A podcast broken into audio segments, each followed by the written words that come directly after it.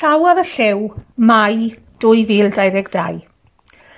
Fe ddath y gwanwyn ac yn awr mae'r haf gerbron a phob un ohono mae'n siŵr yn edrych ymlaen yn fawr iawn i ddychwelyd i feysydd Eisteddfod yr Urdd, y sioe fawr a'r Eisteddfod Genedlaethol yng Ngheredigion, ond i enwi rhai ymhlith yr holl weithgareddau arall sydd yn y calendar wrth gwrs. Cyn mynd ati i drafod y lliw fel petai, Hoffwn ddymuno yn dda i Delys o'r swyddfa sydd wedi cael cyfnod digon heriol ers y Gwanwyn.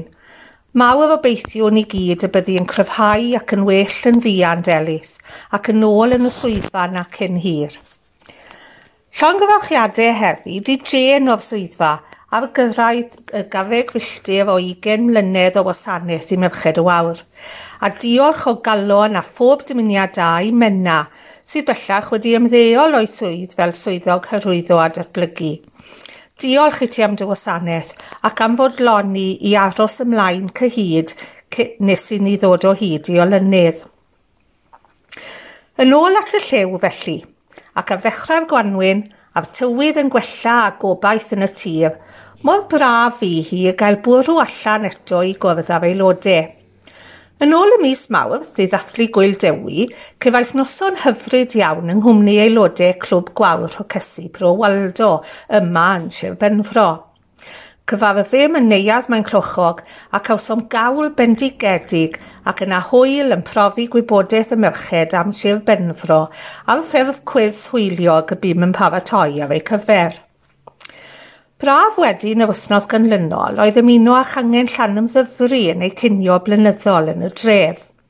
Cafwyd noson hyfryd, bwyd bendigedig a chwmni hwylus.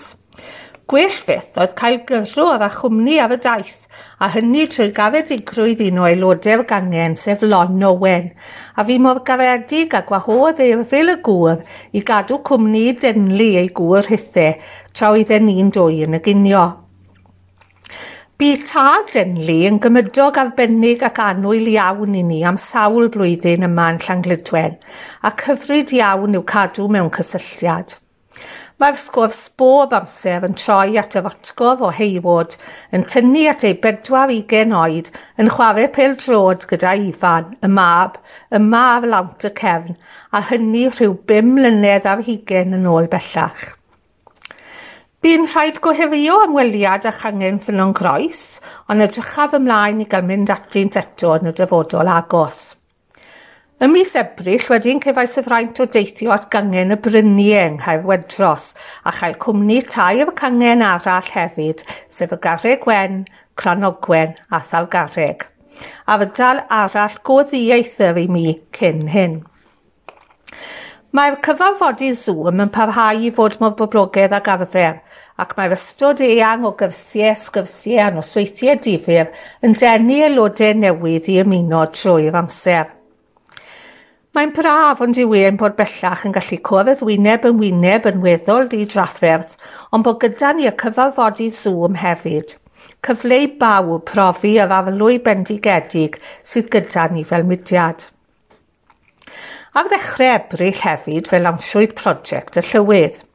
Daw cyfle eto gobeithio yn ystod yr ail flwyddyn o'r llywydiaeth i godi arian at achos da, ond am y tro, dyma fydd y prosiect, rhywbeth syml a fydd gobeithio yn apelio i'r holl aelodau. Cerdded, cerdd a chynefin.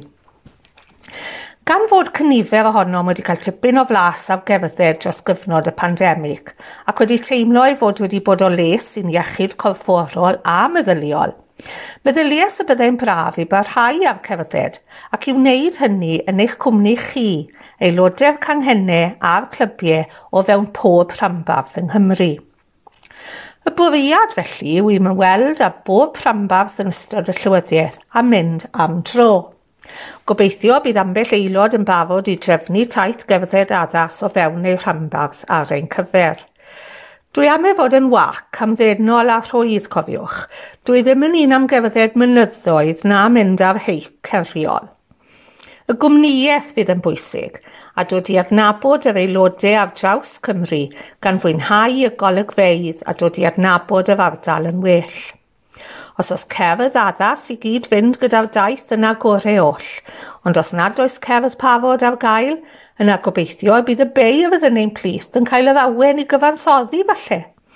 Does dim rhaid iddo fod yn soned swmpus na chywydd nac englyn, pennill neu ddau cystal a dim. O ran cynefin wedyn, Braf fydde nodi enwef blodau ac adaf o fewn ein cynefinoedd er mwyn i ni gael defnyddio'r enwau a'i trosglwyddo i eraill yn y dyfodol.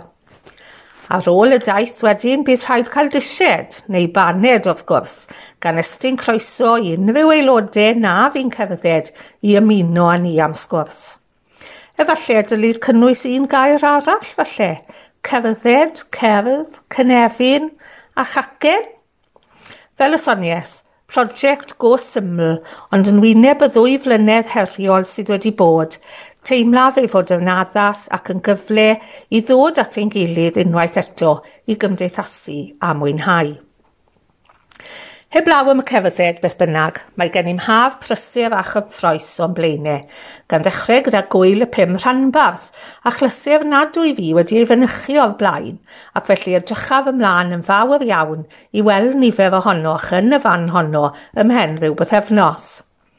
Ac yna, wrth gwrs, ein gwyl haf lynyddol yma chynlleth, diwrnod llawn o gystadlu, cynadledda a chymdeithasu i'r gogledd eto wedyn ddiwedd mai ar gyfer y Eisteddfod Eferydd, wedyn i Lanedwedd ar gyfer y sioe ac yna yr achafbwynt i mi, dwi'n meddwl, y rhir ddisgwyliedig Eisteddfod Genedlaethol yng Ngheredigion. Haleluia.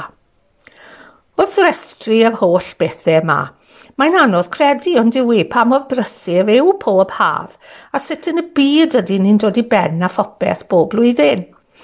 Bydd angen tipyn o hoi ar ôl y cyfan hyn neu lenni, gan nad ydym wedi bod yn gyfarwydd ag efers dwy flynedd bellach.